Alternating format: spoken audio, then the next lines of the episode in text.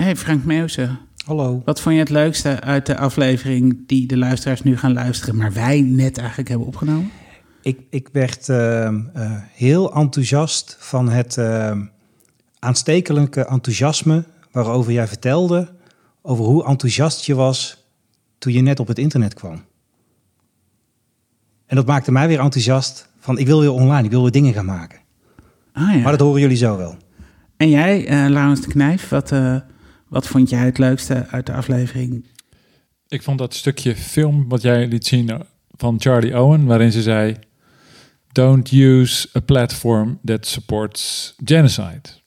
Dat was zo'n krachtige one-liner. En eigenlijk is dat wat het is. Als je moet uitleggen waarom, wat het probleem is met Facebook. Ah oh ja, nou ik vond het heel erg leuk, uh, Frank, dat jij ons even in de wereld uh, van het indie-web hebt meegenomen en het gevoel van indie. Het gevoel van dat je zelf als individu dingen kan maken en dingen kan doen. En of dat nou hardware maken is of uh, uh, je eigen identiteit terugclaimen op het internet. Maar dat we eigenlijk zo ontzettend veel zelf kunnen met alle tools die we hebben. dat vond ik eigenlijk het leukste. Nee, dat vond ik het leukste.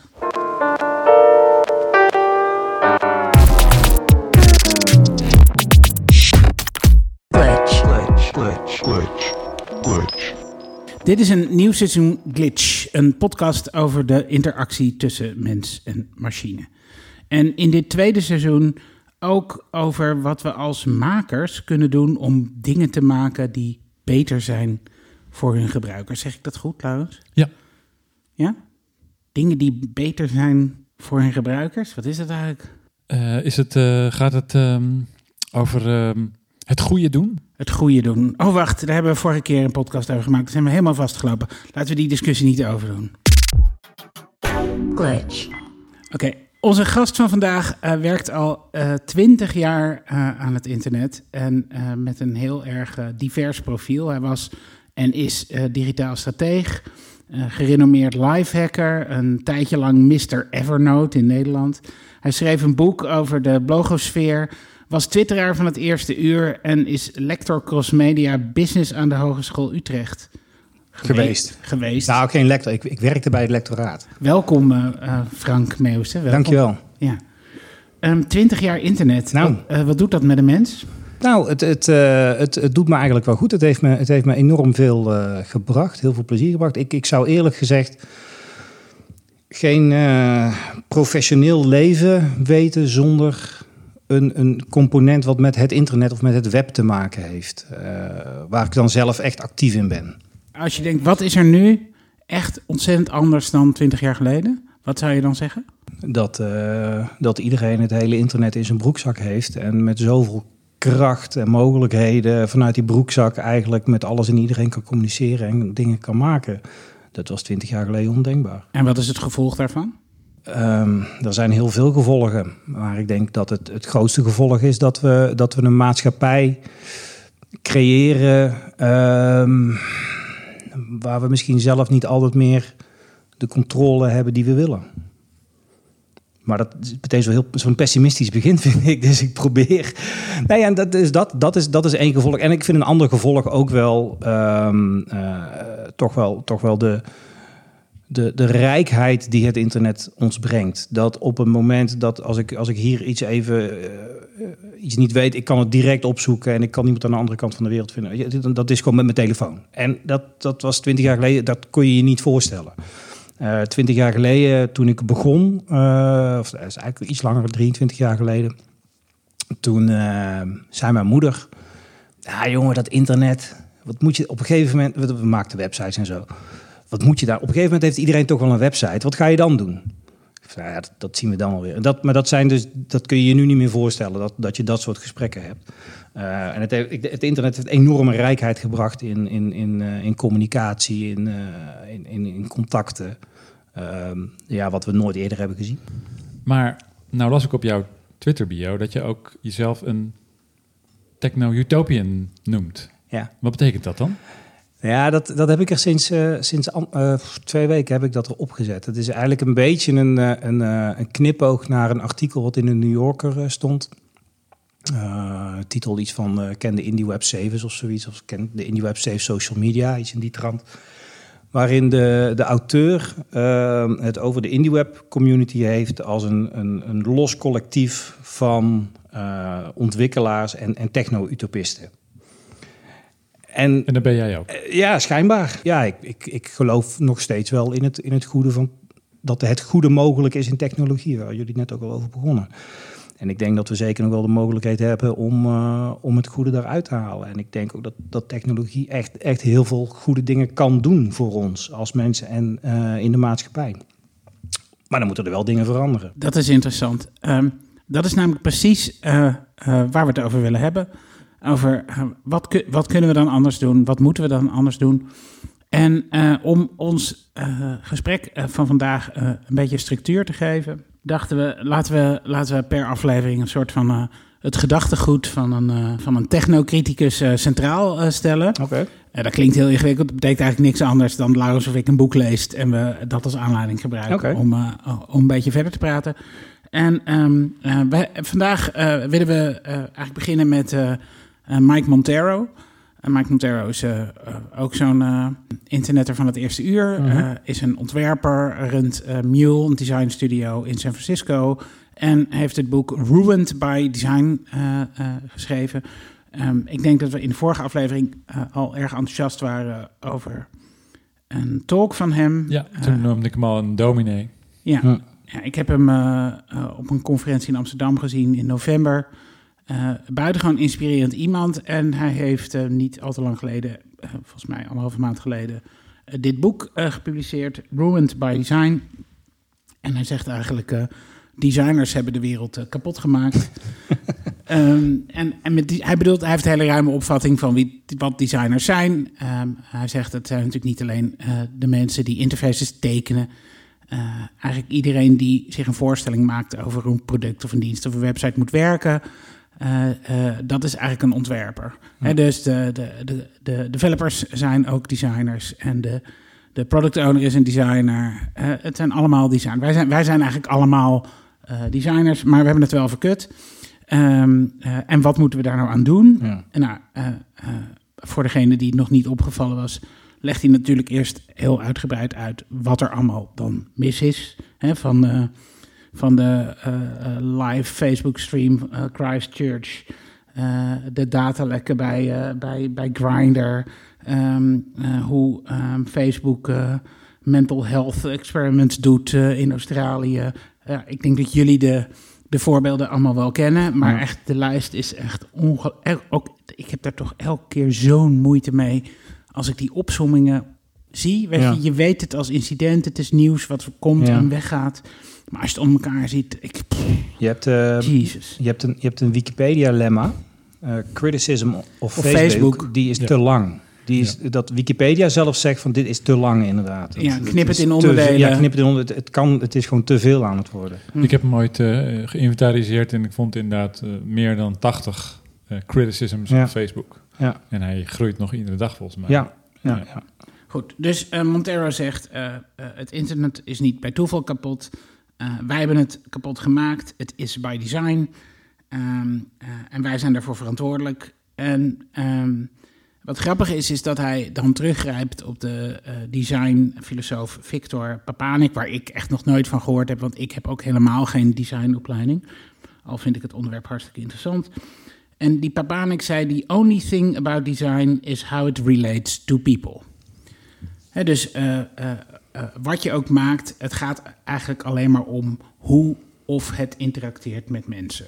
Nou, dat geldt natuurlijk voor heel veel van de producten eh, eh, en diensten die wij maken ook. Ja. Maakt het het leven van die gebruiker beter of maakt het het eigenlijk minder goed? ja. Ehm, nou, en, en Papanik noemt ontwerpers poortwachters. Oké. Hè, je bent eigenlijk de gatekeeper naar een betere ervaring voor die gebruiker. Dus, dus makers hebben gewoon een verantwoordelijkheid. Wij dragen de verantwoordelijkheid voor de dingen die we maken. Ja. Je kunt je natuurlijk afvragen in hoeverre we dat echt doen eh, nu.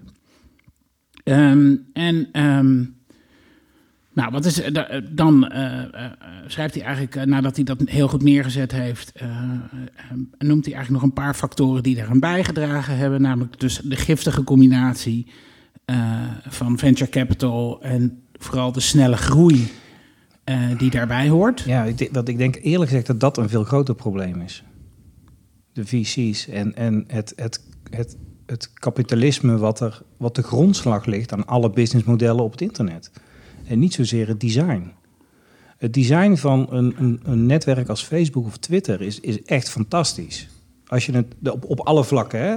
visueel, UX, noem allemaal maar op. Dat is werkelijk waanzinnig. Dat, is, dat vind ik echt heel knap gemaakt. Maar het verdienmodel wat er aan de grondslag ligt, dat, dat zorgt voor, dat zorgt voor die, die giftige, die ondergrond, dat het, dat, wat het gewoon zo slecht maakt. Maar die voedt toch ook weer dat design. Ja, dat natuurlijk. want... eh, en de, de privacy settings die tuurlijk, eh, 28 lagen tuurlijk. diep Ja, verborgen ja, nee, zaten. klopt. Ik weet niet of het En- nog zo is. Maar... Nou ja, die zitten nog steeds behoorlijk diep inderdaad. En het, het feit dat volgens mij elke, op, op elke afdeling eh, in, in Silicon Valley staat ergens wel een handboek over eh, gok- eh, hoe maak je gokkasten in Las Vegas. Hoe, hoe, hoe, werkt, hoe werken die principes? Ja. Ehm, Dus het, het bewust verslavend Tuurlijk. maken en willen maken, Ja. dat, dat is natuurlijk ook design. Dat, is, klopt, dat ja. is niet, eh, hè, dus dat is niet maken we die knoppen rood of blauw, maar dat is hoe maken we dit product zo Maar dat, dat we wordt- jou verslaafd maken. ja, maar dat wordt gedreven door VC's. Ja. Ja, precies. Nee, dus oké, dat zegt Montero dus ook. Eh, Oh, gelukkig. Nee, nee, maar hè, dus, hij- die zegt eigenlijk... het is de combinatie van VC's die gewoon return on investment willen... en het enige wat daarvoor telt is gewoon hele snelle groei... van het aantal gebruikers van je platform. Dat in combinatie in het geweldige hoofdstuk Ayn Rand was a dick... ehm, eh, de combinatie met het libertijnse gedachtegoed... namelijk daarvoor mag alles wijken. Het is, want je zou kunnen zeggen, ja, ik, eh, ik heb durfkapitaal en ik steek het ergens in en ik zou het best wel leuk vinden eh, dat het groeit, maar eh, niet tegen elke prijs. Het, het zit hem juist in dat groei tegen elke prijs, waar natuurlijk echt de pijn ontstaat. Ja. Ja, wat Montero noemt dat I got mine, fuck you. Dus gewoon, ik heb de buit binnen en de rest maakt niet uit.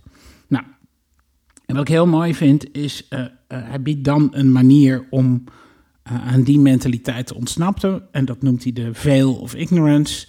En hij zegt, designers zouden eigenlijk als ze iets ontwerpen, een systeem ontwerpen, zouden ze moeten bedenken, ehm, ik zou elke rol in dit systeem moeten kunnen en willen vervullen. Dus ook voor mij als Uber-driver zou het fijn moeten zijn, als passagier zou het fijn moeten zijn en voor mij als investeerder eh, zou het prettig moeten zijn. En dan, nou, dan noemt hij eigenlijk nog een tweede factor. Hij zegt, ehm, designers zijn tot nu toe heel vaak opgeleid eh, aan een kunstacademie of variant daarvan. En hebben geleerd over esthetiek en vormen en misschien een beetje over communicatie. Maar hebben niks geleerd over business en over juridische dingen. En eigenlijk zegt hij, heel veel designers zijn vanuit hun opleiding helemaal niet geëquipeerd om te doen wat ze moeten doen. En antwoord geven op de vragen die ze op ze afkomen. En eh, dan zegt hij als laatste, de laatste bepalende factor, is dat het natuurlijk eigenlijk heel vaak bros voor bros zijn. Dus je, witte mensen maken producten voor rijk, andere rijke witte mensen. Eigenlijk nog erger, witte mannen maken producten voor andere witte mannen. Ja. Ehm, en als je, eh, eh, als jij gewoon een, iets wil maken wat prettig is voor iedereen, dan moet het team van mensen dat dat maakt, de designers in uh, Montero's termen, moet eigenlijk ook uh, divers en veelzijdig zijn. Dan moeten eigenlijk al die stemmen daarin ook uh, een plek hebben. En je kan heel empathisch gaan zitten doen. En ja, dat is beter dan niet empathisch doen. Maar je kan heel empathisch zitten doen en denken: hoe zou het zijn als? Um, um, um, hoe is het om als vrouw achterin een taxi te zitten alleen? Maar ja, we kunnen dat als drie mannen hier gaan zitten verzinnen. Maar dat is natuurlijk belachelijk. Dat is ja. echt belachelijk. Dat is totaal natuurlijk niet wat je moet doen. Ja. Nou, dus, dat, hè, dus die combinatie die van factoren noemt hij eigenlijk uh, uh, de redenen voor deze veenbrand. En dan zegt hij, nou, we kunnen er wat aan doen. Namelijk, je hebt gewoon een keuze als designer waar je wil werken.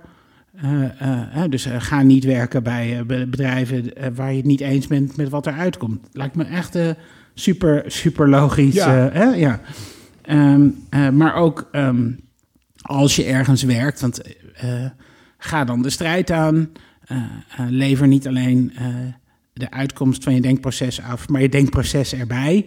Dus je bent ook eigenlijk een advocaat voor het goede in zo'n bedrijf, vind ik ook. En eh, nou, het vertelt hij ook op een hele aanstekelijke manier. Dan noemt hij een hele reeks concrete dingen die we moeten oplossen. En het grappige is dus dat hij dan uiteindelijk zegt van... eh, oké, je kan het niet alleen. Hè, jij kan niet als eh, Don Quixote eh, vechten in dat soort organisaties. Dus we moeten ons verenigen. En hij komt tot bijna een soort klassiek vakbondsmodel... eh, voor eh, eh, ontwerpers en techwerkers. Ja. Waarbij hij zegt van, eh, ja, je moet je binnen je bedrijf organiseren. Je moet die organisaties professionaliseren. Die moeten hun eigen standaarden erop nahouden. Dus als je in je eh, beroepsorganisatie afspreekt, we doen niet dit, dit, dit en we waarborgen een bepaald gedrag.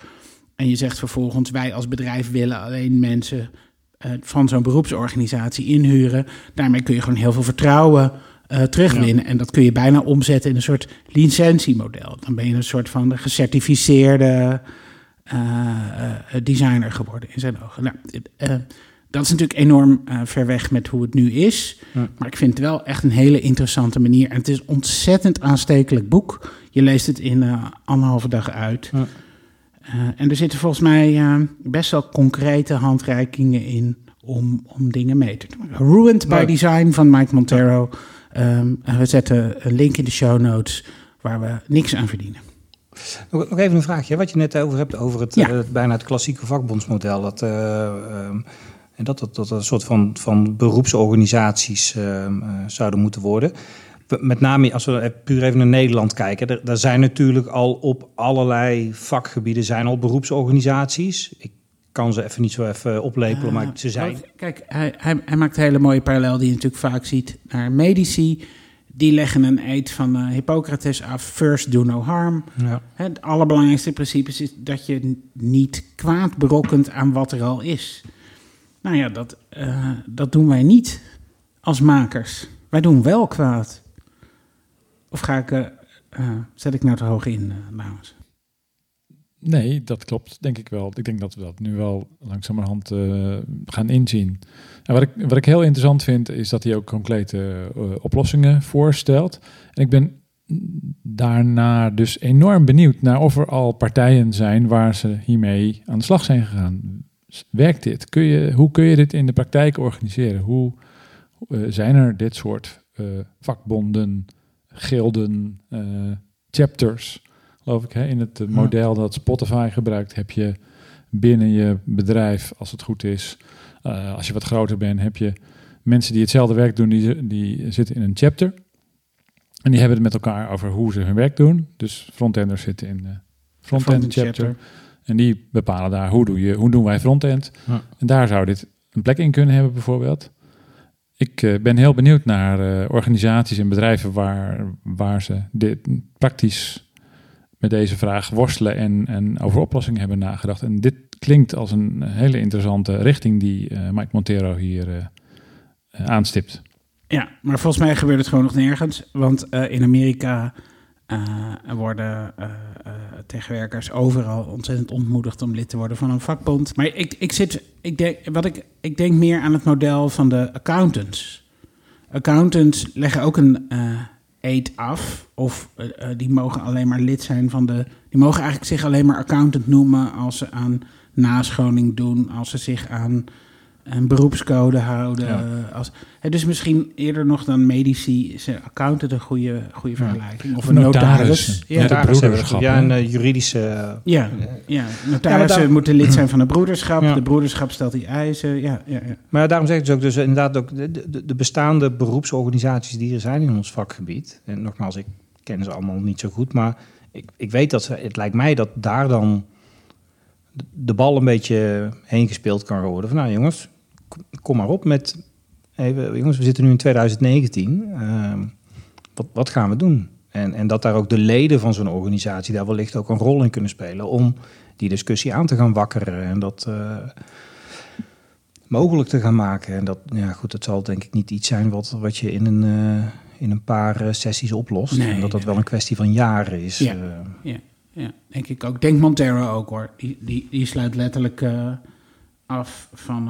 eh, it may be, eh, it's a journey, it may be a long journey, but that doesn't mean it's not worth taking. Nee, kijk, en wat je natuurlijk ook niet uit het oog moet verliezen, is dat we op dit moment ook wel in een, natuurlijk een soort van global economy leven. Wij, wij kunnen het hier in Nederland allemaal wel prima voor elkaar hebben met onze beroepsorganisaties. En wellicht dat we op een gegeven moment een eten hebben en nou, dat we het allemaal prima doen.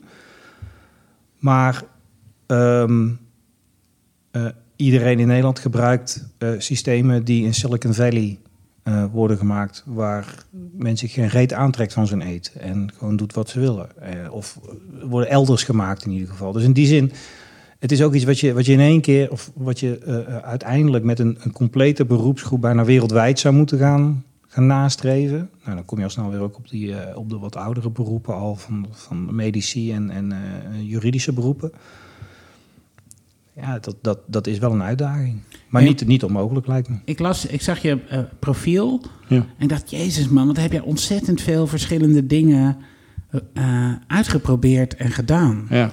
En wat ik ook leuk vind, is dat je aan jouw aan je carrièrepad zie je ook gewoon... oh ja, toen waren we allemaal opeens ontzettend bezig met bloggen. Of oh ja, toen, eh, toen kwam de eerste golf eh, eh, webapps naar boven... en konden we Ja. allemaal opeens productiviteitsdingen gaan doen. En Ja. toen zat jij helemaal... En, Met lifehacking waren we ja, toen bezig. Ja. En, eh, en wat ik zo leuk vind, is dat... ehm, Dus dan weet je wat er nu aan gaat komen de komende jaren. Eh, ja, en, eh, zeker. Eh, en dat is het IndieWeb natuurlijk. Ja. En, en daar wil ik zo heel uitgebreid met je over gaan praten. Over het IndieWeb en eh, wat het is. eh, eh, na de reclame. glitch, Glitch wordt gesponsord door Kirk en Blackbeard, aanvoerders van digitale verandering. Digitale producten bouwen die fijn zijn om te gebruiken, dat doe je niet zomaar. Gebruikersgericht ontwikkelen vraagt om modern leiderschap. Kapiteins met de wendbaarheid van een piraat. Kirk en Blackbeard helpt met strategisch advies, training en tijdelijk leiderschap. Want in het verleden behaalde resultaten bieden geen garantie voor de toekomst. Kijk op kirkandblackbeard.com. glitch, Maar jij wilde nog een, oh, jij wilde nog een vraag stellen. Want je was, je was onderweg naar een vraag eh, over mijn carrièrepad, begon je. En, Oh ja, nee, dus ik, dus ik, eh, ja, ik ben eigenlijk, ik, ik vind, eh, dat ging over 20 jaar internet. ja. Ehm, eh, ik denk nog wel eens eh, eh, terug en ik probeer dat gevoel ook nog wel eens op te zoeken ehm, van echt een soort van de begindagen van het internet. Ik ben zelf, eh, ik denk mijn eerste echte soort van internetervaring was eh, de digitale stad in Amsterdam. Ja. Dat is echt vet lang geleden. 4, 4, 95 weet je? Ik weet het niet meer. Ja. Dat is dit jaar 20 jaar geleden. Kijk, echt waar is dat dit jaar 20 jaar geleden? Oh ja. Nee, DDS is toch veel ouder? Ja, dat is toch ook. Is het niet 30 Ik, jaar eh, want geleden? wij studeerden, ik studeerde Ja. nog toen wij op de DDS, dus dat was 95 zo'n beetje, 94, 95. Zou het 25 Ja, jaar geleden 25. 25 jaar geleden Ja. kunnen zijn? Ja.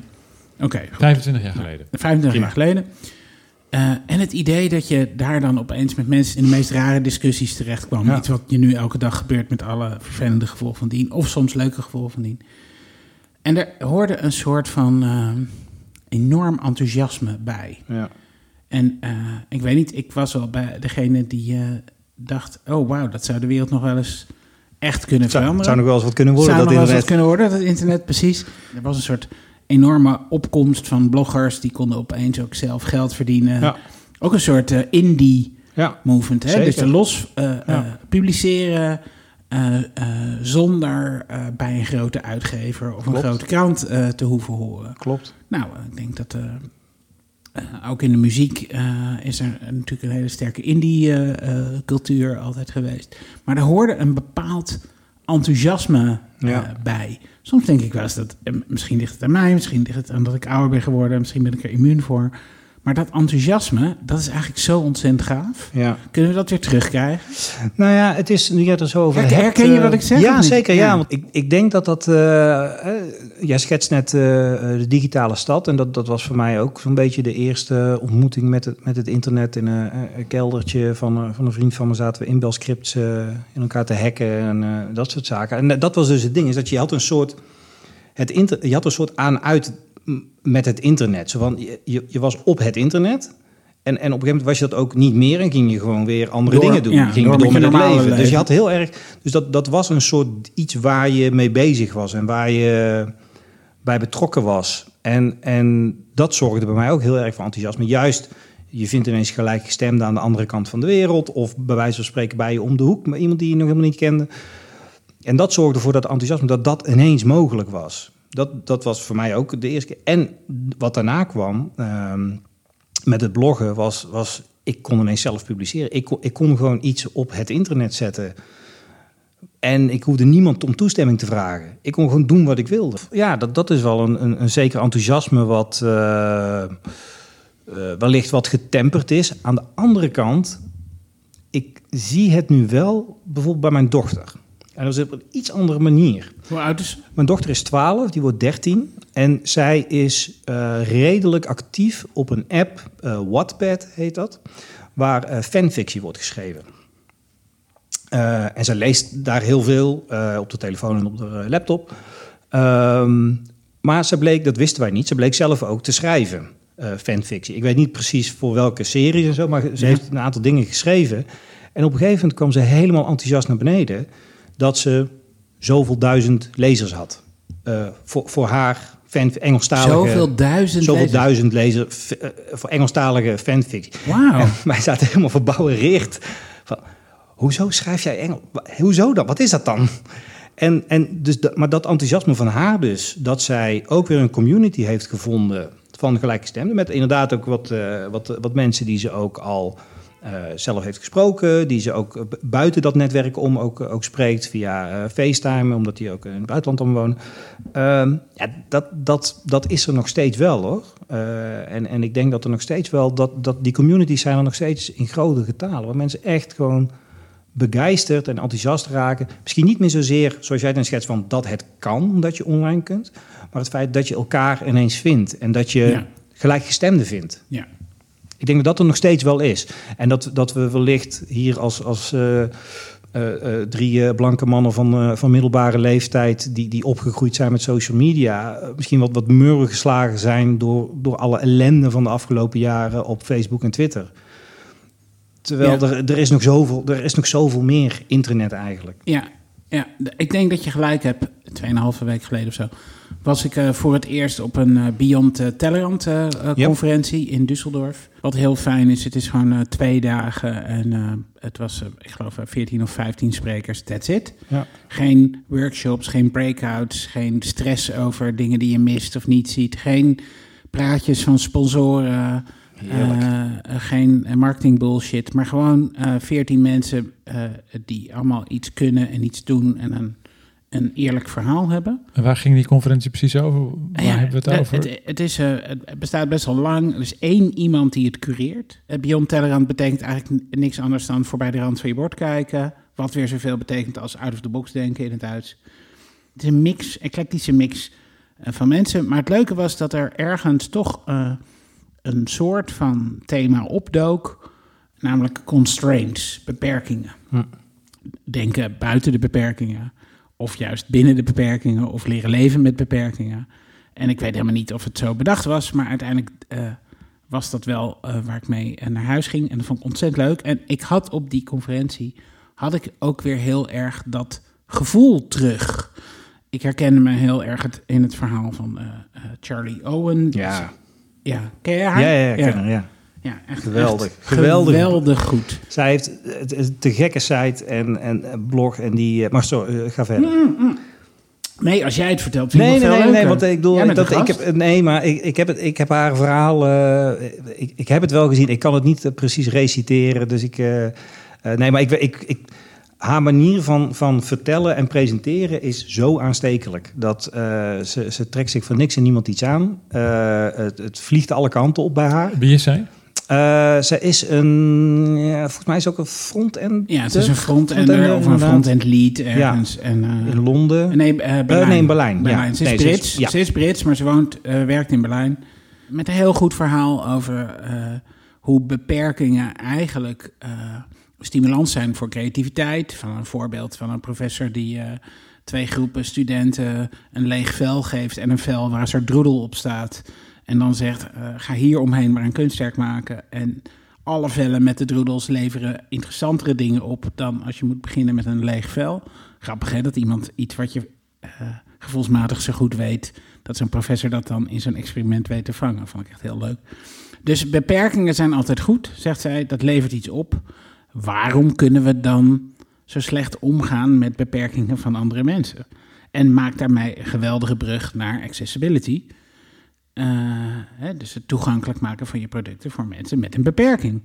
En, ehm, en het, juist het leren denken in de behoeftes van mensen met een beperking maakt dat je veel beter nadenkt over hoe goed je product is eigenlijk voor iedereen. Ik, moet, ik moest ook bij, toen jij het woord constraints noemde, moest ik ook juist andersom denken. We zijn eigenlijk ook in technologie heel erg bezig geweest om beperkingen weg te nemen. Eh, frictie weg te nemen. Dingen, dingen kosten geen moeite meer. Eh, pagina's zijn oneindig. Ja. Eh, Facebook heeft geen einde. Facebook heeft geen beperking. Dus eh, een endless scroll. Ja. Mobieltjes die worden automatisch wakker als ik er naar kijk. Ja. Alles Ja, wordt dat- seamless. Maar ja, de vraag is dus, kun- sla je daar dan op een gegeven moment niet te ver mee door inderdaad? Moet je op een gegeven moment toch niet beperkingen gaan opleggen? Kunstmatig bijna. Nou ja, die worden dus nu inderdaad ook weer kunstmatig opgelegd met hè, de bi- binnen besturingssystemen. eh, binnen, nou, eh, er- is weer een hele hoos aan allerlei soort van productiviteitsapps die je juist die beperkingen geven. Hè, van het, het, het, het, het, afsluiten van bepaalde sites binnen, binnen werkuren. Nou, noem maar op allemaal. Ehm, terwijl, terwijl het veelal ja, toch wel in onszelf eigenlijk zou moeten zitten. Dat ehm, je, je moet die beperking toch bij jezelf ook opleggen om, het, Om dingen te niet te leren doen, niet te doen, inderdaad. Ja, maar eh, eh, kijk, ehm, dat is, en dat zegt Montero ook in zijn boek. En het, dat, dus kun je als individu eigenlijk wel op tegen eh, eh, 40 psychologisch eh, Ja. geschoolde gasten die over alle wetenschap beschikken, over hoe Ja. ze jou verslaafd moeten maken aan je product. En dan sta jij dan in je eentje met wilskracht tegenover. Ja. Dat is echt een oneerlijke wedstrijd. Ja, dat is knap lastig, inderdaad. En, en dat geldt natuurlijk, de, de, dezelfde eh, geldt misschien wel voor alle marketeers in supermarkten Ja. en de verleidingen eh, met enorme hoeveelheid eten, wat we eigenlijk niet nodig hebben. Ik bedoel, het, het is, hè, dus, het- dit is helemaal niet een nieuwe discussie. Ehm, eh, we worden voortdurend verleid tot het doen van allerlei di- dingen. Maar ehm, ja, hier worden producten echt verslavend gemaakt Ja. en alleen maar wilskracht om daaraan te ontsnappen. Ja, weet je, eh, ja, is je kan lastig. dat is knap lastig, ja. nee, dat klopt. En ik denk dat we daar wel, eh, ook, wij als mensen, ons beter in moeten organiseren. Maar heeft dan, heeft dan ook een Charlie Owen in haar verhaal? Want nogmaals, ik heb, ik heb het eh, een beetje eh, ja, ja, zijdelings gescand. Wordt lastig met een video, maar wel een beetje zo doorheen gelopen. Maar had zij wel een soort punt, of ook weer à la Montero, van jongens, dit, zo kunnen we dit gaan doen? Nou ja, ze zegt, eh, we zijn op een soort dieptepunt aangekomen eh, waarbij... eh, ze geeft een voorbeeld van hoe Facebook echt genocide... Ja, in Myanmar, ja, in ja. Myanmar veroorzaakt. En zegt dus, oké, de lat ligt nu zo laag. Ja. Don't do genocide. Ja, Ja. dat is dus we hoeven het alleen maar dat, hè, dus beter doen dan dat, dat moet toch kunnen. Ja, ja. Daar begint ze, dat is, dat is natuurlijk heel mooi. En ze zegt, je moet gewoon eh, zeggen, ook, ook zij legt de verantwoordelijk he- verantwoordelijkheid heel erg bij de makers. Ze zegt, Ja. je moet gewoon nee zeggen. Ja. Je moet gewoon zeggen, we nemen de tijd voor eh, om na te denken over wat goed is voor onze gebruikers, over wat mensen met een beperking nodig hebben. We gaan het Ja. gewoon doen. Het is, hè, dus ehm, eh, ehm, we moeten als beroepsgroep, als van makers, gewoon niet meegaan in de gedachte dat we er eigenlijk alleen maar zijn voor de minst, meest winstgevende groep of de groep waar eh, we het snelste in kunnen groeien. Je wil er voor iedereen zijn. Ja. Want wat mensen, en dat is dat is natuurlijk wat Ed Montero en zij doet, is wat mensen uniek maakt, is dat we zo veelvormig zijn en dat we niet allemaal perfect zijn. En juist uit die rare imperfecties en dingen die we hebben, ontstaat ook heel veel lol en vrolijkheid en nieuwe dingen en compleetheid. En Ja. dat maakt ons zo menselijk. Ja. Nou, dat. waar ik zeg maar, eh, ik, in het dagelijks leven opereer ik vaak als product owner. En waar ik heel praktisch tegenaan zou lopen, als ik alles voor iedereen moet maken, is dat dat gewoon praktisch heel lastig is. Je gaat, eh, je bent, moet vaak een enorme pragmaticus zijn. Je begint met de doelgroep die eh, het meeste waarde oplevert en de, daar ga je als eerste mee aan de slag. En meestal zijn dat dan niet eh, die eh, 2% eh, mensen met een beperking. Nee, en, maar en dus hoe doe je dat dan? Ik denk dat het, probleem niet zozeer is dat je ergens begint, maar dat het grote probleem is dat het van waar je als je begint nog denkt, oké, dan doen we heel snel, daarna gaan we dat inhalen, Nooit doet. en nooit doet. En dat is wat letterlijk eh, eh, die Charlie Owen zegt, dus je eindigt met een soort constraints, depth, net zoals je technical depth kan opbouwen in een product, een achterstand aan dingen die je voorgenomen hebt om te doen, die eigenlijk ook belangrijk zijn voor het functioneren van je site of tool of product, maar die je nooit meer inhaalt. En dus kan je wel zeggen, ja, ik begin daar. Dat is alleen maar gerechtvaardigd zolang je echt de rest ook doet. Want anders doe je het niet en het hoeft ook niet. En van je investeerder hoeft het niet. En, van, weet je, en dus je doet het gewoon niet. Het Nee. gebeurt gewoon niet. Met, dus, dus je eindigt met een, een hele groep mensen in de samenleving... die gewoon tweederangs burgers worden. Want producten zijn niet voor hun gemaakt. Nou hangt het wel af voor wat voor producten we het hebben, volgens mij. Eh, eh, en ik moet hier Natuurlijk wel de impact van... eh, de, nou ja, ik heb geen goed voorbeeld. Maar- een of andere taxi-app eh, van een privé-taxibedrijf. Dit is wat anders dan als je als overheid dit soort beslissingen neemt. Of Ja, publieke als- instantie. Ja, maar Ja. ja, ja en nee. Want eh, het grappige is, is dat eh, in een land waar eh, eh, vervoer niet zo goed geregeld is, kan zo'n taxibedrijf een hele grote maatschappelijke functie vervullen. En als eh, eh, consequent mensen van een bepaalde etnische achtergrond niet meegenomen worden, omdat mensen gewoon screenen op de profielfoto, omdat je dat als ontwerper mogelijk gemaakt hebt, kun je je afvragen of het die functie kan vervullen. Ja, of ook hele, nog, nog praktischere dingen ook. Van als je dan, laten we het over zo'n app hebben, in, in een land waar je dus hè, qua Ja. vervoer afhankelijk bent. Waar wellicht ook de eh, telecominfrastructuur zo slecht is dat internetverbinding, dat je daar niet continu 4G of wifi of wat dan ook hebt, maar met Ja. hele crappy verbindingen zit met goedkope Android-telefoontjes eh, uit een of ander vaag eh, Aziatisch land. Waar die app gewoon niet goed op draait. Of het maar half doet. Of het is een webapp die zoveel libraries wil binnenhalen. dat het gewoon alles dicht slipt. En, noem op. Nou, het zijn ook dat soort ehm, keuzes, denk ik, die je als eh, designteam moet maken. Van ja, waar, waar doen we dit allemaal voor? Eh, en is dit, is dit echt allemaal nodig? Ehm, ja. Weet je, dat is denk ik het grootste. Die keuzes worden vaak gemaakt door mensen die alleen al vanwege hun interesse en beroep beschikken over het nieuwste aan nieuwste aan, eh, aan hardware. Weet je, Ja. die met hun dikke iPhones Ja. Eh, en mooie laptops dat zitten te ontwikkelen. En dat is niet per se hoe gebruikers eh, eh, die manier van denken. Die is manier niet- van denken is er vaak niet. Doe even normaal. Ja. Ja, af en toe slaan we daar wel gaat een beetje voorbij aan wat ja. ik dat doel. Ja, vind ik wel. Oké. Nou, dus oké, Beyond Tellerrand. Eh, we komen vlakbij in die web uit. we zullen een link in de show notes doen naar de video's. Want alles staat inmiddels online. Ja. en je kan het gewoon kijken. het is echt super de moeite waard om dat te doen. Eh, en nog een heel klein, heel leuk dingetje was... ehm, was ook Dora Otterman, een Duitse stop-motion animator en illustratrice. En zij introduceerde het begrip networking. Networking, dus een, tukkie doen, want hij zegt op de bank krijg ik mijn beste ideeën. En die vertaalde dat hij zegt: Ik wil eigenlijk het recht hebben om inefficiënt te zijn. Dat vond ik heel leuk. Ik heb een heel klein fragmentje van haar, wat ik jullie even wilde laten luisteren. Yeah, um, when there was a job to do, and I said, yes, I will do that job, but after a nap or after a break. Well, most chefs I have did not like that. And even if I explained them, this will work, m- make my work better later, they didn't want to hear that. Making your human needs a priority in a work that's all about efficiency obviously isn't very popular. Instead, you always have to work um, you get applause when you work a lot. You um, you are someone, then you get respect. And there's no applause for the best nap ever. I've been yeah, I think so too. There's no applause for the best nap ever. Ja. En dus, ehm, ik, ik, ik wou het laten horen omdat je natuurlijk heel lang ook op het spoor gezeten hebt van eh, productiviteit. Ja. Eh, hoe kijk je daarop terug? Ben, ben je nog steeds, ben je nog steeds, probeer je nog steeds het maximale uit je dag eh, te halen? ja, maar dat is wel op een andere manier. Wat is er veranderd? Nou, het, het maximale uit je dag halen kun je op heel veel manieren. Ik bedoel, dat is, eh, we hadden het daar, daar straks ook al eventjes over. Ik heb, ik heb eh, de halve middag zitten gamen met mijn zoon. Nou, dat, dat was wel behoorlijk de moeite waard. Ik had ook allerlei werk kunnen doen, of administratie, of weet ik veel, de zolder opruimen.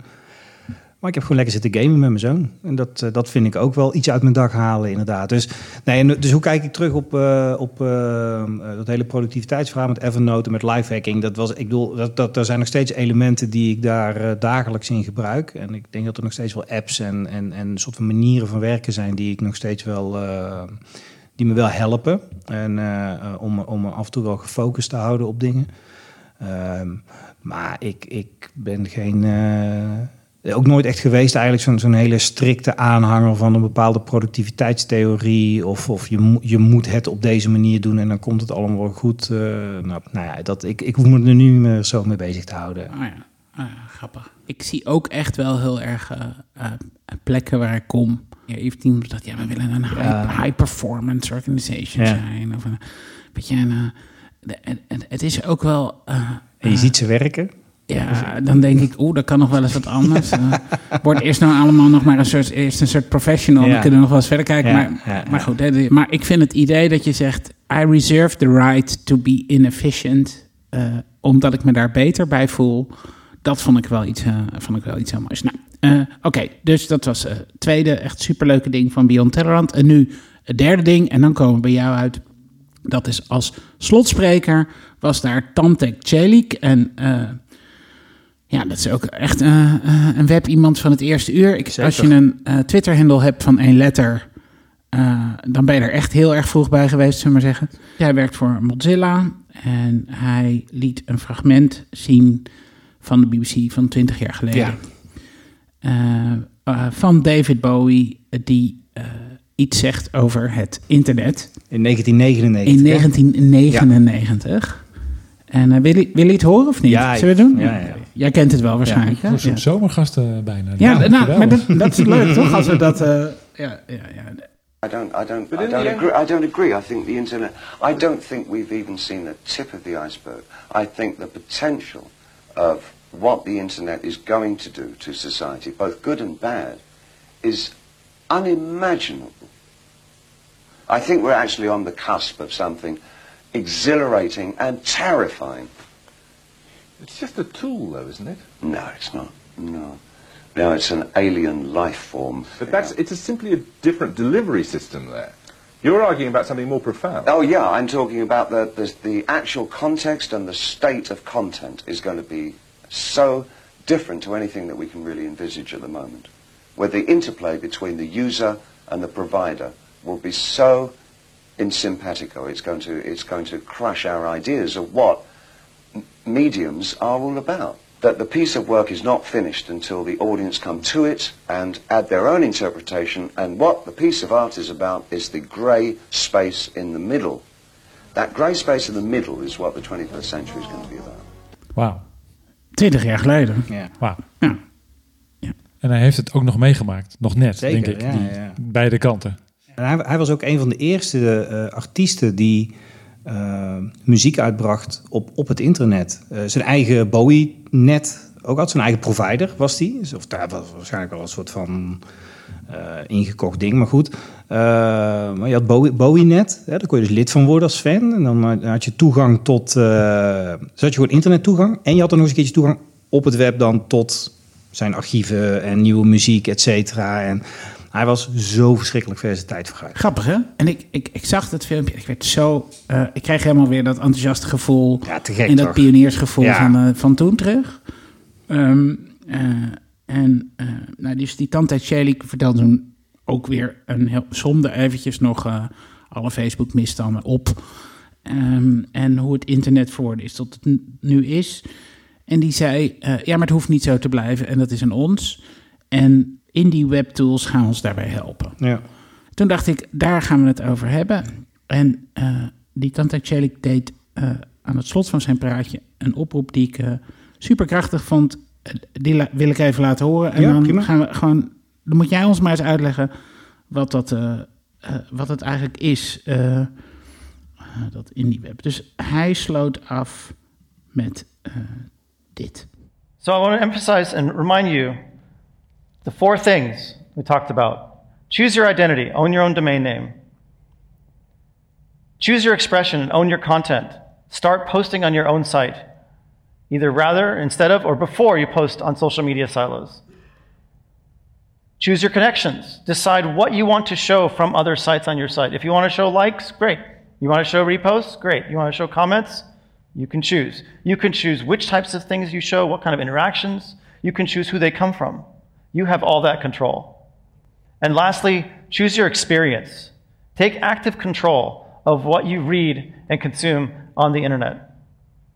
What you read and consume helps shape your own personal story of what the internet's about and what the web is about. Take those four steps, and you can take back your web. Thank you. Thank you, web. Nou ja, dat, dat is natuurlijk wel een beetje waar die hele indie web movement uit is, is ontstaan. Ta- Tantec is daar samen met Aaron Parecki ehm, is daar mee gestart. eh 2011, 12 meen ik. Goed, die, die eh, precieze tijdlijn weet ik zo even niet. Maar Tantec en, Aaron eh, zijn daar, eh, zijn daar eh, behoorlijke voorvechters in. En zijn ook die, die movements een beetje gestart. En het is, het is geen, geen movement in de zin van we gaan met z'n allen de straat op en demonstreren en ons in vakbonden organiseren of dat soort onzin. Ehm, maar waar het wel om gaat, is eigenlijk wat, wat Tantec ook zegt, is van take, take back your web. Want dat is natuurlijk wel het ding waar we het de afgelopen uur ook best wel een paar keer over hebben gehad, is dat enthousiasme van we konden ineens op het web onszelf zijn en we konden doen wat we wilden. En we hadden geen middelman meer nodig om iets te publiceren, of dat nu tekst of audio of later ook video was. Ehm, je kon dat op je eigen domein, kon je dat doen. Ehm, en of dat nou een eigen, eh, een eigen website was, of je deed het op GeoCities, eh, weet je, dat, dat, die mogelijkheid had je. En er was een enorme rijkheid aan ehm, of een, rijke, of eigenlijk een enorme diversiteit Ja. aan websites. Nou, Ja. dat, dat op een gegeven moment... En dan begon je een blogring. Ja. En dan kon je van. ja, dan kun je van de ene naar de andere gaan. Zo lachen was dat? Heerlijk. Nou, dat is er weer. Die zijn er weer. En daar is, Charlie onder andere is daar, is daar een enorm voorvechter van. Voorvechter van. Maar eh, op een gegeven moment zijn natuurlijk die social media zijn gekomen. Eh, in Nederland begonnen met Hives. Nou, Twitter, Facebook, hoe ze allemaal niet op te noemen. En die hebben heel veel van die, die punten die, die Tante net ook noemt, hebben dat eigenlijk een beetje, een beetje weggenomen. Hè? Van, als hij zegt choose your identity, als je, als je erover nagaat, is het eigenlijk raar dat, dat we met een hele hoop mensen onze identiteit bepalen door middel van een Twitter-handle of een Facebook-pagina of een Instagram-handle of wat dan ook. Dat je je identiteit laat bepalen door een private partij in een, in een kapitalistisch land, wat, er, eh, wat als doel heeft eh, zoveel mogelijk data te extraheren uit je om zijn eigen winst te maximaliseren. Ja. Ehm, het andere is, eh, choose your content. Kies, kies zelf wat je wilt publiceren. Het is heel raar dat, dat, er, dat, er, eh, dat je eh, op, op sociale netwerken niet zomaar alles mag posten. Natuurlijk zijn er wetten en regels. Ehm, Nou ja, weet je, weet je wat? Dat is natuurlijk. Eh, eh, dat is het deel, deel uit Montero's boek wat ik niet genoemd heb, namelijk zijn enorme rant tegen eh, Twitter en hoe ze eigenlijk iedereen juist wel maar toelaten op dat platform. Ja. Het grappige is dat er wordt geclaimd dat er een heleboel niet kan. Er, er kunnen ook dingen niet, met name als het over seks gaat en zo, zou ik maar zeggen. Daar zijn ze nee, super het, strikt wordt, op. het, wordt, het wordt geregeld vanuit een Amerikaans perspectief. De grap is dat zelfs Tan- Tantec twee weken terug zijn, zijn Twitter-account was Kwijtgeraakt. Was kwijt. Was, was weg. En er was ook was er schijnbaar ergens iets met een soort bot. Hij post heel veel dingen automatisch vanaf zijn eigen site naar Twitter. Eh, en daar was ergens een vlaggetje op gegaan. En dan ineens is zijn account weg. Eh, dat, dat is heel raar dat dat, dat, dat Ja, dat je kan. daar dus zo afhankelijk van Dat je daar zo afhankelijk van Ja. wordt. Dus daar is uiteindelijk, eh nou, IndieWeb is daaruit ontstaan. Eh, ik noemde dit in het begin al even een soort los collectief van, van developers, designers, denkers, doeners. om het web weer meer menselijk te maken. Om het web weer meer van ons te maken. En niet van een aantal grote techbedrijven in Silicon Valley. Of eh, een, een, een aantal staatsgedreven eh, bedrijven in, in eh, onder andere China. Ja. Ehm, dat gebeurt op dit moment door middel van eigenlijk een aantal stappen die, die, ja, die je kunt zetten, die iedereen kan zetten. En dat begint dan met hele kleine dingen als gewoon zorg dat je een eigen domeinnaam hebt. Ja. Iets heel, dat, die koop je hier in Nederland voor volgens mij 3, 4 euro bij, Ja. bij TransIP of bij waar dan ook. En je hebt er een hostingaccountje bij voor een paar euro per jaar. En je hebt een eigen domein, je hebt jouw profiel, je hebt jouw identiteit kun je daarmee vorm gaan geven. En er zijn genoeg tools waarmee je dat kunt gaan doen. Dat hoef je niet met WordPress te doen. Dat hoeft niet een heel blogplatform te worden met een contentplan en allemaal dat soort zaken. Dat kan ook gewoon Super simpel. simpele statische pagina zijn. Ja.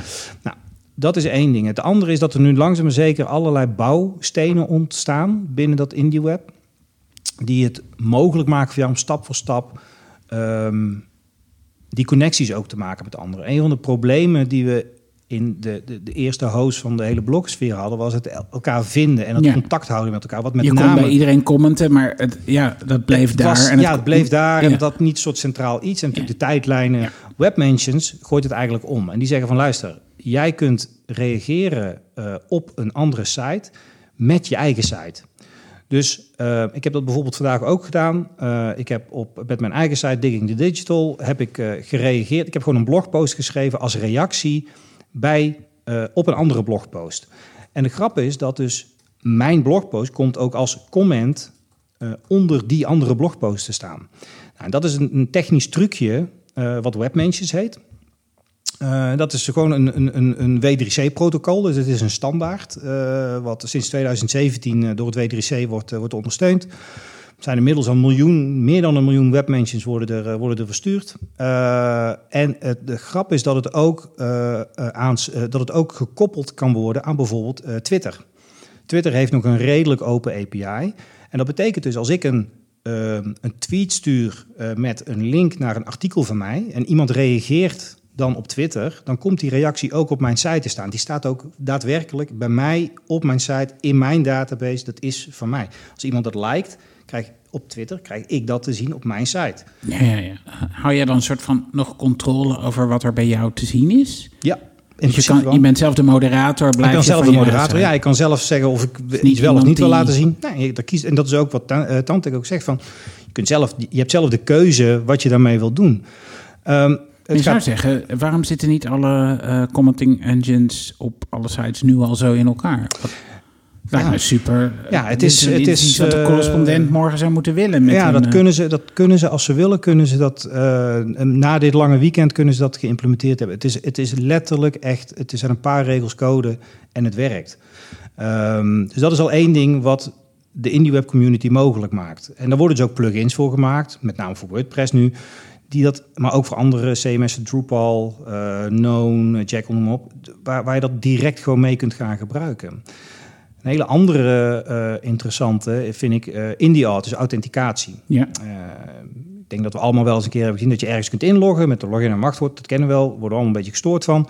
Maar je kunt ook inloggen met je Facebook-account, met Ja. je Twitter-account, met. LinkedIn, whatever, Google, whatever. Nou, waarom zou je niet in kunnen loggen met je eigen domeinnaam? Nou, dat kan met IndieAuth. IndieAuth is ook een, een, een, een authenticatiemechanisme. Ik ben daar te weinig technisch voor onderlegd, maar wat het, waar het op neerkomt is, kan bij bepaalde sites vul ik mijn domeinnaam in. Als ik wil inloggen, ik hoef alleen maar mijn domeinnaam in te vullen. Daarmee ga ik naar mijn WordPress-admin. Daar log een- je in. Daar log ik in. En dan gaat er met tokens, gaat Ja. op en neer. En ik Ja, ben tuurlijk. ingelogd. Ja, En that's ja, it. ja.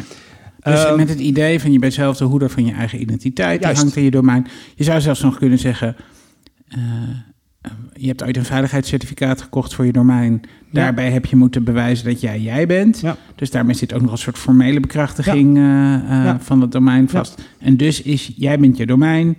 Eh, dat is duidelijk, ben- dat is vastgelegd. Ja. Eigenlijk is dat de basale infrastructuur van het, van het web. Van het web. Ik, ik heb ook, ik, ik roep het eerlijk gezegd al, ik roep het eerlijk gezegd al tien zit- jaar. Er zit Dat- een natuurlijk persoon of, of een rechtspersoon achter. Dan kan je in de KVK. Dat zijn we niet een aparte wereld. Nee, dat is gewoon nee, de wereld. Dat ben ik. En Ja. ik vind het, ik, ik, heb, ik roep dit al tien jaar. En ik heb het ooit eens een keer geroepen bij een eh, panel met, met destijds nog Hives en met Facebook. Eh, toen werd ik een beetje eh, hoongelachen, was mijn deel. Toen heb ik ook gezegd van, ik vind eigenlijk dat iedereen naast een BSN-nummer ook gewoon een domeinnaam moet krijgen. Eh, hoeft niet door de overheid, die moeten dat niet verder beheren of zo, weet je wel. Maar de overheid moet in principe ervoor zorgen dat jij gewoon een domeinnaam kunt krijgen. Ehm, en dat vind ik eigenlijk nog steeds. Dat, waarom niet? Dat, Ja. ik bedoel, een BSN is een, is een Punt uniek burger. Ja, whatever. weet je, maakt, maakt het... Punt Nederland. Of zo. Nou ja, Nee, nee. Nee, maar goed, maar dat, ja, eh, iedereen een domeinnaam en, en ga ermee aan de slag. En je kunt echt dan met een paar regels die en op, op indieweb.org slash start vind je allerlei stappenplannetjes waarmee je echt in een avondje kun je gewoon al beginnen met dit soort dingen. En je hoeft niet alles in één keer te doen. Je kunt gewoon, Maar ik heb even gekeken. ja. Ik vind het echt nog niet makkelijk. En, Nee. en ik bedoel, ik ben echt van goede wil. Ja. En, maar ik vind een paar dingen vind ik niet eh, helpen. Alles ziet eruit als een soort... eh, Wikipedia-pagina. ja, maar een slechte Wikipedia-pagina. Ja. En, dat is, dat is ook, wel- en daar hebben we ook echt gewoon dus die designers Hulp- ook voor hulp nodig. bij nodig, Ja, ja. Ja. Eh, dat we echt mensen nodig hebben die mee kunnen helpen. Niet zozeer met, met de technische vraagstukken. Die zijn er wel, die lui die dat allemaal kunnen maken. Maar toegankelijker Hoe kunnen we dit nu toegankelijk maken en hoe kunnen we het eh, menselijker maken? Inderdaad. Want die, die WordPress plugins, dat helpt al enorm. Dat heeft mij ook, en ik, inderdaad, ik ben ook, nou, ik ben niet helemaal achterlijk wat techniek betreft, maar ik liep ook af en toe best wel vast. Totdat ik die WordPress plugins tegenkwam. Maar toen ineens vielen er heel veel kwartjes. Dus dat is wel echt nodig om. eh, dus we, we, hebben, we hebben daar ook echt gewoon designers en, en UX'ers en echt gewoon goede mensen bij nodig die daar iets van vinden. En, en daarin ook mee willen helpen om dat gewoon beter te maken. En het is, het is natuurlijk een hele open community, gok ja. ik. Ja, ja, ja. ja, Ja. behoorlijk. Dus, dus eh, iedereen die denkt, hey, ik wil eens iets goeds doen, kan in principe... En hoe werkt dat dan? Hoe, hoe, hoe bouw je mee aan het IndieWeb? Eh, ga naar indieweb.org slash ja, start. En, en daar staan alle linkjes. Je kunt, je kunt, eh, we hebben eh, de ouderwetse IRC-kanalen. oh, help. Ja, ja, ja, ja, maar we hebben ook Slack-kanalen. Het wordt ook doorgeplaatst naar Slack allemaal. Ehm, eh, Ah, nee, maar maar da- da- hey, dat is natuurlijk heel goed, hè? Ja. Bied mensen een keuze. Wil je, dat vind ik ook. Er is natuurlijk heel vaak. kom ik nog wel eens bij bedrijven die het goed willen doen tegen. Zeggen. Ja, we moeten allemaal op open source tools, want dat is beter. Maar dat is natuurlijk heel, heel vaak niet beter als het gewoon gaat om gebruiksgemak of zo. Hè? Dat, dat, dat, eh, Slack is gewoon misschien wel eh, eh, met visie geld groot geworden. Maar het is best wel een fijne tool. Ehm, eh, als ik terug zou moeten naar IRC, ik eh, Ja, weet niet of ik dat nog, eh, even commando's weer terug eh, nee. Hè, dus, maar het mooiste is, bied, maak het nou optioneel. Voor Ja. mensen die zeggen, ja, ik wil toch niet eh, van zo'n commerciële tool gebruik maken. Dat er een fallback optie is of, of een primair. Dat, dat vind ik wel een hele goede manier van denken. Vind je niet? Daar zouden we een soort eh, principe uit kunnen afleiden, Laurens. Vind je niet? Dat, dus dat je, het is niet of-of, maar het is en-en. Ja, nou dat, dat vind ik ook heel goed wat je zegt van het, het gedijt ook naast Twitter. Het is geen vervanger Nee, van het Twitter. is eh, zeker geen vervanger van Twitter, helemaal niet. Nee, dat wil het ook, dat wil het ook niet zijn. Dat Ja. is ook, dat is denk ik ook een beetje het probleem van al die, al die dode netwerken die nu op GitHub liggen. Is dat ze willen allemaal de, de, de, de Twitter of de Facebook vervangen terwijl dat is nergens voor nodig. En dat wil het IndieWeb dus ook niet. Nee, nee. nee, maar de IndieWeb is ook niet een soort product of zo. Het, is niet een, nee. het zijn een aantal... Het is meer een, ook weer een soort gedachtegoed. Het- Er, er komen een aantal eh, nou, W3C-standaarden zijn er ook gewoon Ja. nu eh, ontwikkeld. Ehm, eh, en en, en daar, daar werkt het aan of voor. Maar je hebt, daarnaast heb je dus ook eh, het hele, dat federated verhaal. hè. Federated web met dingen als Mastodon en Ja. allemaal dat soort zaken. Ja, dat, is weer een, ja dat, dat, dat schurkt er ook allemaal tegen aan. En dat werkt ook allemaal samen. En, Hey, en en ehm, wordt dit nou gezien als een mogelijkheid om wel een soort van social network te creëren, maar dan agnostisch over met welke technologie je dat doet? ja, En, en kan het ook hetzelfde bieden als de huidige social networks ons bieden op dit moment? wat zou een social network jou moeten bieden?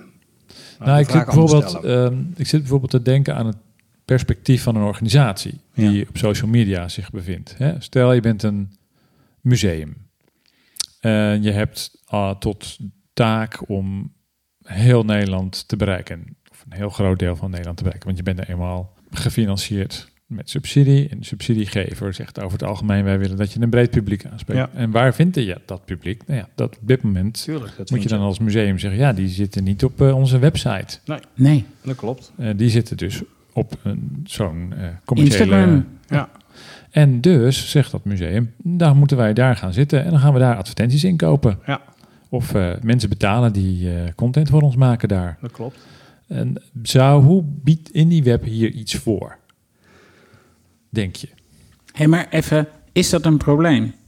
Eh, eh, dus ehm, eh, geadverteerd wordt er al Dat wordt toch wel. honderd, honderden jaren. Dat is Nou, eigenlijk waar het- waar het een ding is, Instagram naam- biedt je op dit moment namelijk een hele goede tooling Ja, ja, dat om klopt. dat te doen. Maar goed, dat, dat deed de ster ook. En dat deden de kranten vroeger ook. ja, binnen de beperkingen Ja, van hun tijd. Maar het, Minder waar, goed ik denk, dan, ik denk, eh, Facebook, nou, hoor. maar ik denk waar het er meer in de zit. vrijzinnige protestanten bereikten je ook niet met een eh, eh, advertentie in een geref- gereformeerd dagblad. Dus je, kon, je kan Ja. natuurlijk al heel lang segmenteren. Nee, maar kijk, maar wat wat jij bedoelt is iets anders. Nou, niet? dat gaat nu nog wel een stukje fijner. Ja, dat klopt. Ja, en ook daarom. goedkoper daardoor. Ja, maar ik denk, dat- ik, ik, ik denk, het zit er meer op een ander vlak. Dat het, ik, zou het, ik zou het een groot probleem gaan vinden als dat museum eh, besluit zijn website te stoppen en zich exclusief op iets als Instagram of Facebook of privaat sociaal netwerk XYZ te gaan begeven. ja, ja, de, Dan de- heb je een echt een groot probleem. En op het moment dat ik, als ik alleen maar eh, op, op een, eh, op, als ik lid moet zijn van een sociaal netwerk om te zien wanneer het museum open is, dan, dan is er een, een echt een groot probleem. Maar het feit dat een, dat een museum wil adverteren op die plek waar zijn doelgroep zit, natuurlijk, dat moet je gewoon lekker, laat ze dat alsjeblieft gewoon doen. Alleen besef je wel, weet je, daar zit ook wel weer misschien een beetje dan dit, dit verhaal ook in van, ik denk dat ook dan binnen zo'n museum wel ook de discussie moet zijn van, ja maar luister even, willen wij wel eh, geld besteden aan een platform wat doelbewust data, eh, eh, eh, eh, noem je dat? Data extraheert, data, Ja, ja, ja, opzuigt. opzuigt, eh, opslurpt van de gebruikers om daar zelf beter van te worden. Ehm, dat, en dat, weet je, dat, dat zijn discussies die je, die je wel kan voeren. Dat is bijvoorbeeld wat nu een maand geleden. Kun je, kun, je, kun je het je veroorloven als organisatie om je geld uit te geven aan een sociaal netwerk dat als dat genocide veroorzaakt? Wacht, dit is echt het perfecte. Hier, we gaan even om het, om het rond te maken. Best wel leuk. eh, even naar die Charlie Owen luisteren. Want daar heb ik echt een heel klein eh, eh, stukje van. Want, want dat is natuurlijk gewoon de vraag die je moet stellen in je organisatie. Luister maar. Het is echt best wel We simpel. need to get better and consider the users and everything. The user constraints in every decision. No matter if it's a bit boring and you don't like doing that work, you still have to do it. No matter if it takes time away from our latest frameworks and fun, you've still got to do it. It means being grown ups and doing this stuff. Because let's face it, our industry has taken a bit of a turn to the to the to the bad, hasn't it? Become more conservative and a bit more self-serving, and let's face it, a bit more right-wing. We need to kick our industry up the arse because our Silicon Valley culture has given us Nazis on social media, harassment against minority groups becoming the norm. An industry that promotes a fucking currency that deliberately burns energy. My God. An industry that has en- enabled genocide. Literally enabled genocide. We have got to be better than this. And let's face it, that is a pretty fucking low bar, not enabling genocide. Ja, toch? Ja. Maar ja, maar dat, ik, denk, ik denk dat dat de vragen zijn die, die je als organisatie eh, moet stellen. En dat is ook wat het. Maar het lijkt wel of het, eh, eh, als je, ik, wat ik, ik, nou ja, gaan we het andere keer over hebben. eh, maar het lijkt wel alsof er verschillende hersenhelften in organisaties zijn. Dus op een bepaald moment vinden we dit soort dingen ook allemaal slecht. Maar, Ja. maar als het dan aankomt op, eh, ja, maar we hebben Op toch... de eh, kwartaalcijfers. ja, dan, of op publiek bereiken, Ja. of, dan doen we het maar, want het is zo fucking Ja. efficiënt. Maar dat, is, maar dat geldt niet, maar eventjes voor de duidelijkheid. hè, Dat geldt niet alleen voor organisaties. Hè, dat geldt ook voor individuelen. Want we, Ja, zien dit waar. allemaal en we lezen dit allemaal. En we, oh, Cambridge Analytica, verschrikkelijk en boe. Maar ik kan zo makkelijk mijn buitenlandse vrienden bereiken op Facebook. Ja. Ehm, ja, Dat is Ja. die andere hersenhelft. en dat is dus, om nog even terug te komen op, op het, op het IndieWeb verhaal. ehm, de- er beginnen weer steeds meer keuzes te komen.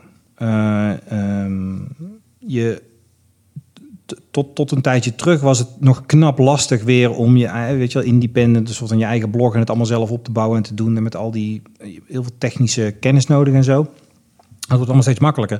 Maar het wordt ook bijvoorbeeld ook eh, steeds meer mogelijk om ehm, buiten, met name Twitter om dan, eh, gewoon mensen op Twitter te volgen en daar ook op te reageren. Dus je hoeft niet op Twitter te zitten om wel actief te zijn op Twitter. Dat kan En je dan- ook. En een postje via de API of zo. Ja, ja. Oh, dat is gaaf. Dus word je dus niet eh, eh, verleid door alle trucjes die Twitter in hun Ja. interface doet. Ah, dus er komen steeds meer van dat soort keuzemogelijkheden, inderdaad. Eh, en, en er komen ook steeds meer alternatieven. hè. Voor Instagram eh, beginnen er nu ook alternatieven te komen. Ze zijn nog, natuurlijk nog lang niet zo groot als Instagram. De vraag is ook maar of dat allemaal gaat worden en zo. En, en maar je hebt bijvoorbeeld eh PixelFed, is een, eh, soort federated, soort federated netwerk. Dus dat is iets wat je gewoon zelf kunt installeren en hosten. Of een organisatie kan dat binnen zijn eigen Ja. infrastructuur aanbieden. Ehm, maar dat praat wel met al die andere instanties van, van alsof het allemaal kleine Instagrammetjes Een zijn. blogring van... eh, Ja, een soort, soort Instagram foto. maar zit je dan in een eigen... ei- eh, heb je dan je eigen eh, eh, land gecreëerd? Ja, maar daar, daar, daar Of- kies je voor. Ja, ja, ja. Daar kun je voor kiezen. En je kunt zeggen van, nou, ik, ik, ik hou het binnen mijn eigen eh, landsgrens eigenlijk. Of je geeft juist toegang tot allerlei andere eh federated van dat soort En instanties. dan zit je en daar en op Instagram of zo. Dat kan, ja. Of, moet je, of het is niet aan elkaar gekoppeld. Nee, het is niet aan elkaar Ah, gekoppeld. nee, maar het mooie is dus dat Nee. je dus je kunt dus daar foto's op posten. Maar die foto's kun je ook weer gewoon op je eigen site posten. Of je kunt gewoon met een, een willekeurige app zelf ervoor kiezen om die foto's te delen. En, je, er komen steeds meer keuzemogelijkheden. En ik denk dat dat het belangrijkste is. Dat dat ook de kracht is van het open web. Is dat je iedereen heeft de, de keuze om het zo in te richten om te lezen en eh, te, te schrijven, te communiceren met elkaar zoals je zelf wilt. En je bent niet gedwongen om dat in 280 karakters of zonder links naar buiten of zonder opmaakmogelijkheden of wat dan ook eh, te doen. Nou, die keuze die hebben we op zich altijd wel gehad, toch? Ja, maar die keuze is natuurlijk wel beperkt door de regelgeving van het sociale netwerk. Ik bedoel, je, je had op Twitter er weinig keuze. Je had maar altijd 120 alternatieven. karakters. Ja, maar er zijn altijd alternatieven geweest. We zijn altijd vrij geweest om naar een andere Twitter Dat klopt. te. Nee, oké, dat klopt, ja. Maar we hebben ook heel lang gedacht... waarom zou ik in godsnaam zo'n rommelige WordPress-skin installeren... eh, wat ik elke, weet ik veel wat, allemaal heel onhandig moet ik zelf onderhouden. En ik kan naar Ja. Medium. Ja. En oh, wat is daar zo'n fijne leeservaring. Ja. Maar je fucking content is opeens van iemand anders geworden. Ja, en het wordt dichtgetimmerd en je moet 5 dollar per maand betalen. En dat is het probleem. Ja, iemand moet er toch op een dag aan verdienen. Natuurlijk, maar er is ook niks, er is, er is niks mis. Nee, maar- er is, er, is, er is niks mis mee om, om geld te verdienen met dingen. Weet je? Dat, bedoel, dat, dat doen we al duizenden jaren. Nou, maar wat wel mis is dat ik, ik kan me heel erg herinneren dat eh, toen Medium begon, dat is echt een heel erg goed voorbeeld dit, was het ja, we blijven altijd open en alles is allemaal van jou en we gaan nooit geld vragen. En dat is gewoon niet waar. Nee, dat klopt. Dat is Nee. gewoon, daar zijn Maar- ze gewoon keihard op teruggekomen. En dus staat er, hebben heel veel mensen hebben daar allemaal dingen op ingericht en Ja. gepost en hun blog verhuisd en weet ik veel Ja. wat. En het is gewoon keiharde lock-in. Dat klopt. En, en, en dat, dat is dus nu, het- maar dat is dus het, het punt. Ehm, de, er is niks mis mee met geld verdienen. Waar ik wel problemen mee heb, is de, de hockeycurve waar VC's op rekenen. En de 10x growth waar VC's op rekenen. En dat je dus in een soort van continue jacht naar maar meer gebruikers, meer gebruikers, meer lock-in en ze langer bij je houden en dat ze meer doen. Ehm, dat daar het geld mee verdiend moet worden. Terwijl er ook andere manieren mogelijk zijn. Eh, nou, Laten we, eh, we proberen altijd af te sluiten met eh, iets positiefs. Want we gaan natuurlijk enorm. eh, we, spreken veel over de moeilijke kant van het internet, maar die is er niet alleen. Ehm, dus ik wil jullie allebei even vragen naar. hadden jullie ook nog een hele leuke, hele positieve internetervaring in de afgelopen tijd? En wil je daar nog even iets over vertellen? Nou, ik, ehm, als, ik, ik denk dat ik gewoon een, eh, gewoon een positief, verrassend positieve ervaring eh, ga beschrijven. Eh, wat geen directe relatie heeft met internet, maar eh, uiteindelijk vast ook wel weer. Eh, want internet is alles, toch? Dat zei David Bowie al. Ehm, mijn dochter die vertelde, ik vroeg aan mijn dochter, goh, hoe is het eigenlijk met die, ehm, met die Marokkaanse vriendin van jou? Eh, ze zit op een, op een middelbare school. En zei, ja, het, ja, het, is- gaat wel grappig. Ze zit nu bij een GSA. En eh, ik had geen idee wat een GSA was. En ehm, ehm, dat was dus een, eh, mijn dochter wist ook niet waar het voor stond. Ja. Maar wel dat het iets was voor, voor gays en lesbians. Oh, En ehm, toen gingen wij het even googlen en het, is, het blijkt een, een Gay Straight eh, Alliance te zijn. Het is gewoon een groepje in school wat zichzelf de GSA noemt. Oh, ja, ja. En het ken bestaat dat. eigenlijk op Ja. de meeste middelbare scholen is een GSA. Ja, bij mijn dochter oh die ook organiseren dan ook Ja. een paarse... en dat is een soort safe zone. Oh ja, eh, oh ja. eh, figuurlijk ook, maar ook letterlijk. Soms krijgen ze ook een lokaaltje. Of, eh, maar ze zijn ook gewoon een groepje mensen die zeggen van wij zijn een GSA. En bij ons mag je gewoon eh, uit de kast komen, ook al ben je er thuis nog niet. En je bent hier gewoon op, binnen de GSA, ben je, ben je gewoon jezelf. En daar zitten dus ook heel veel hetero eh, tieners in, die het gewoon tof vinden om bij een Ja. GSA te zitten. Maar wat En ik was is dat? Vind ik zo goed. verrast. Ja. ja, en het was dus ook haar Marokkaanse vriendin die, die eh, bij haar weten straight was, maar die wel heel graag bij de GSA wilde zijn. Ja.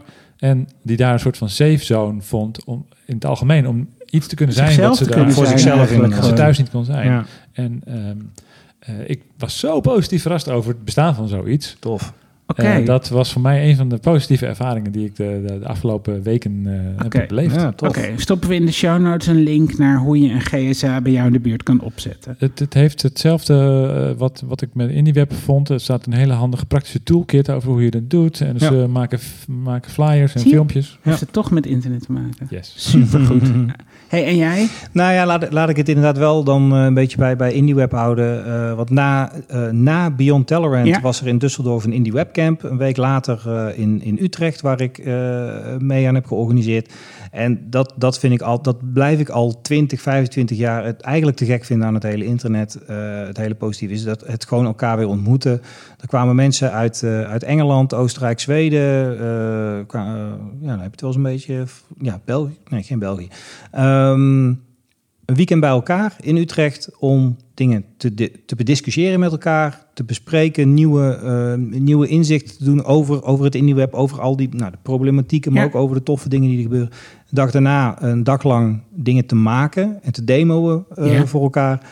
Eh, en daaromheen ook gewoon een, een, een, gewoon een prima weekend met elkaar te hebben. Mensen die, leuk. je- ja, dat, dat, dat blijf ik altijd weer te gek vinden. Dat communities die elkaar weer ontmoeten, gewoon eh, in het echi. eh, eh, ook al spreken we elkaar continu eh, via chat en, en, en leer je elkaar wel een beetje kennen. In het echt blijft dat altijd toch weer eh, leuker en beter. En Net zo, net een- zo leuk als 20 jaar geleden. Eigenlijk, ja, dat, dat, dat, niks gevoel. Of het, dat nou, of het nou weblog-meetings hier in het Vondelpark waren... of, Ja, eh, ja, of nu ja. de indie webcams, dat eh, Ja, blijft of tweetups.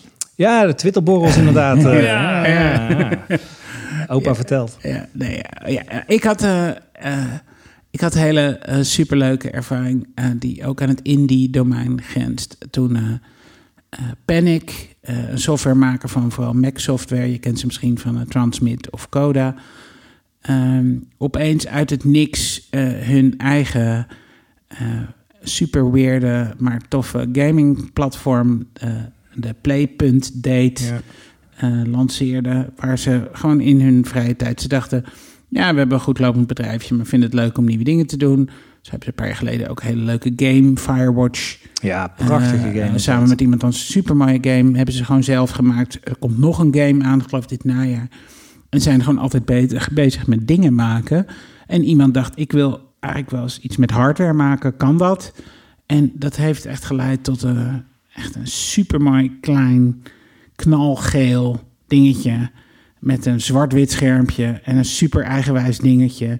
En, en wat zo leuk is, ze schrijven er een post, eh, een, een, een post over, over hoe dat ging. We hadden een idee, we gingen zelf kloten met, met eh, open hardware. We bestelden wat eh, developer kits Ja. van hardware. We hebben zelf ons eigen OS geschreven. Weet je, dat je denkt, oh ja, wat, wat leuk dat je dat kan.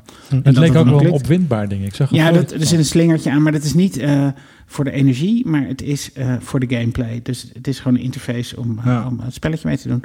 En eh, toen schreven ze wat indie developers aan, game developers. Ja. Van, willen jullie misschien een game maken? En in Ja. no time wilde iedereen dat heel graag. Toen kwamen ze erachter, hey shit, hardware maken is eigenlijk best wel moeilijk. Toen eh, eh, hebben ze gewoon een, eh, een, een koude e-mail gestuurd naar de jongens en meisjes van Teenage Engineering. En voor wie Teenage Engineering niet kent, die maken ontzettend super gave muziekmaak hardware. Die komen uit Stockholm. En die, maar, eh, alles wat zij maken ziet er sowieso al fantastisch uit. En die zeiden zomaar, hey, dat vinden we leuk. Eh, ja, we helpen graag. En dus, eh, ik had daar echt, oh shit, het kan nog wel. Weet je, Ja. allemaal mensen die elkaar opeens vinden rondom een project. En, en nu toonden ze dat. En niet alleen vertelden ze er ontzettend leuk over. Ik dacht natuurlijk ook gelijk, ik wil er eentje hebben. Ja.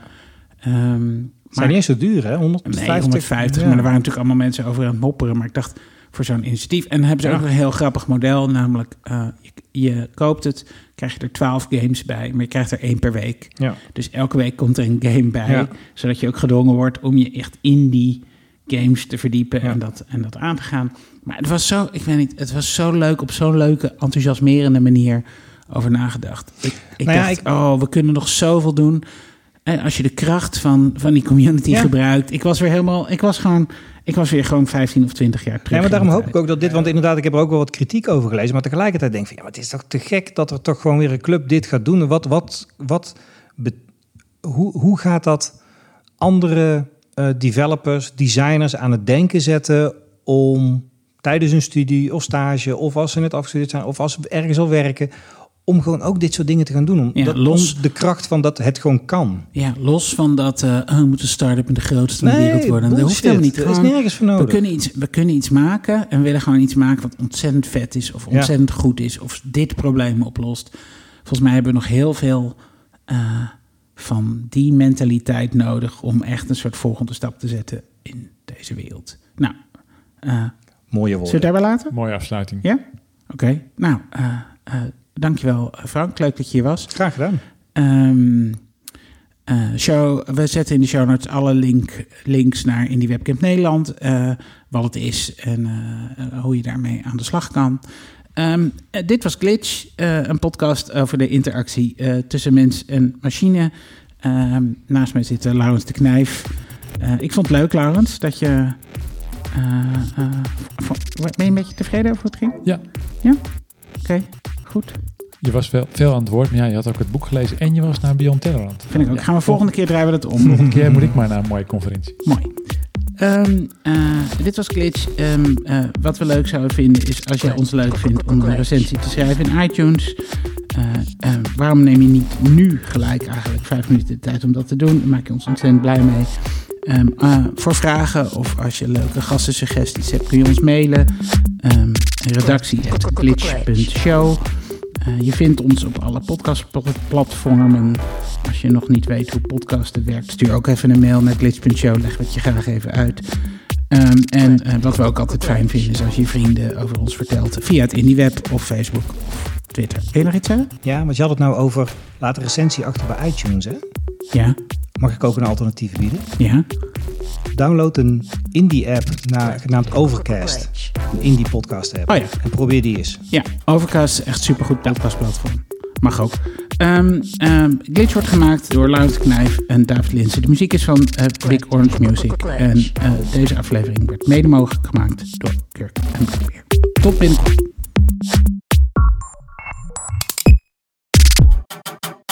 Glitch.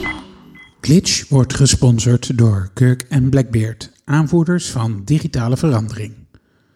Digitale producten bouwen die fijn zijn om te gebruiken, dat doe je niet zomaar.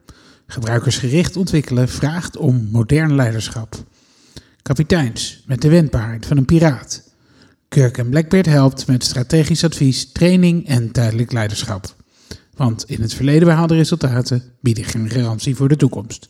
Kijk op kirkandblackbeard.com. Glitch.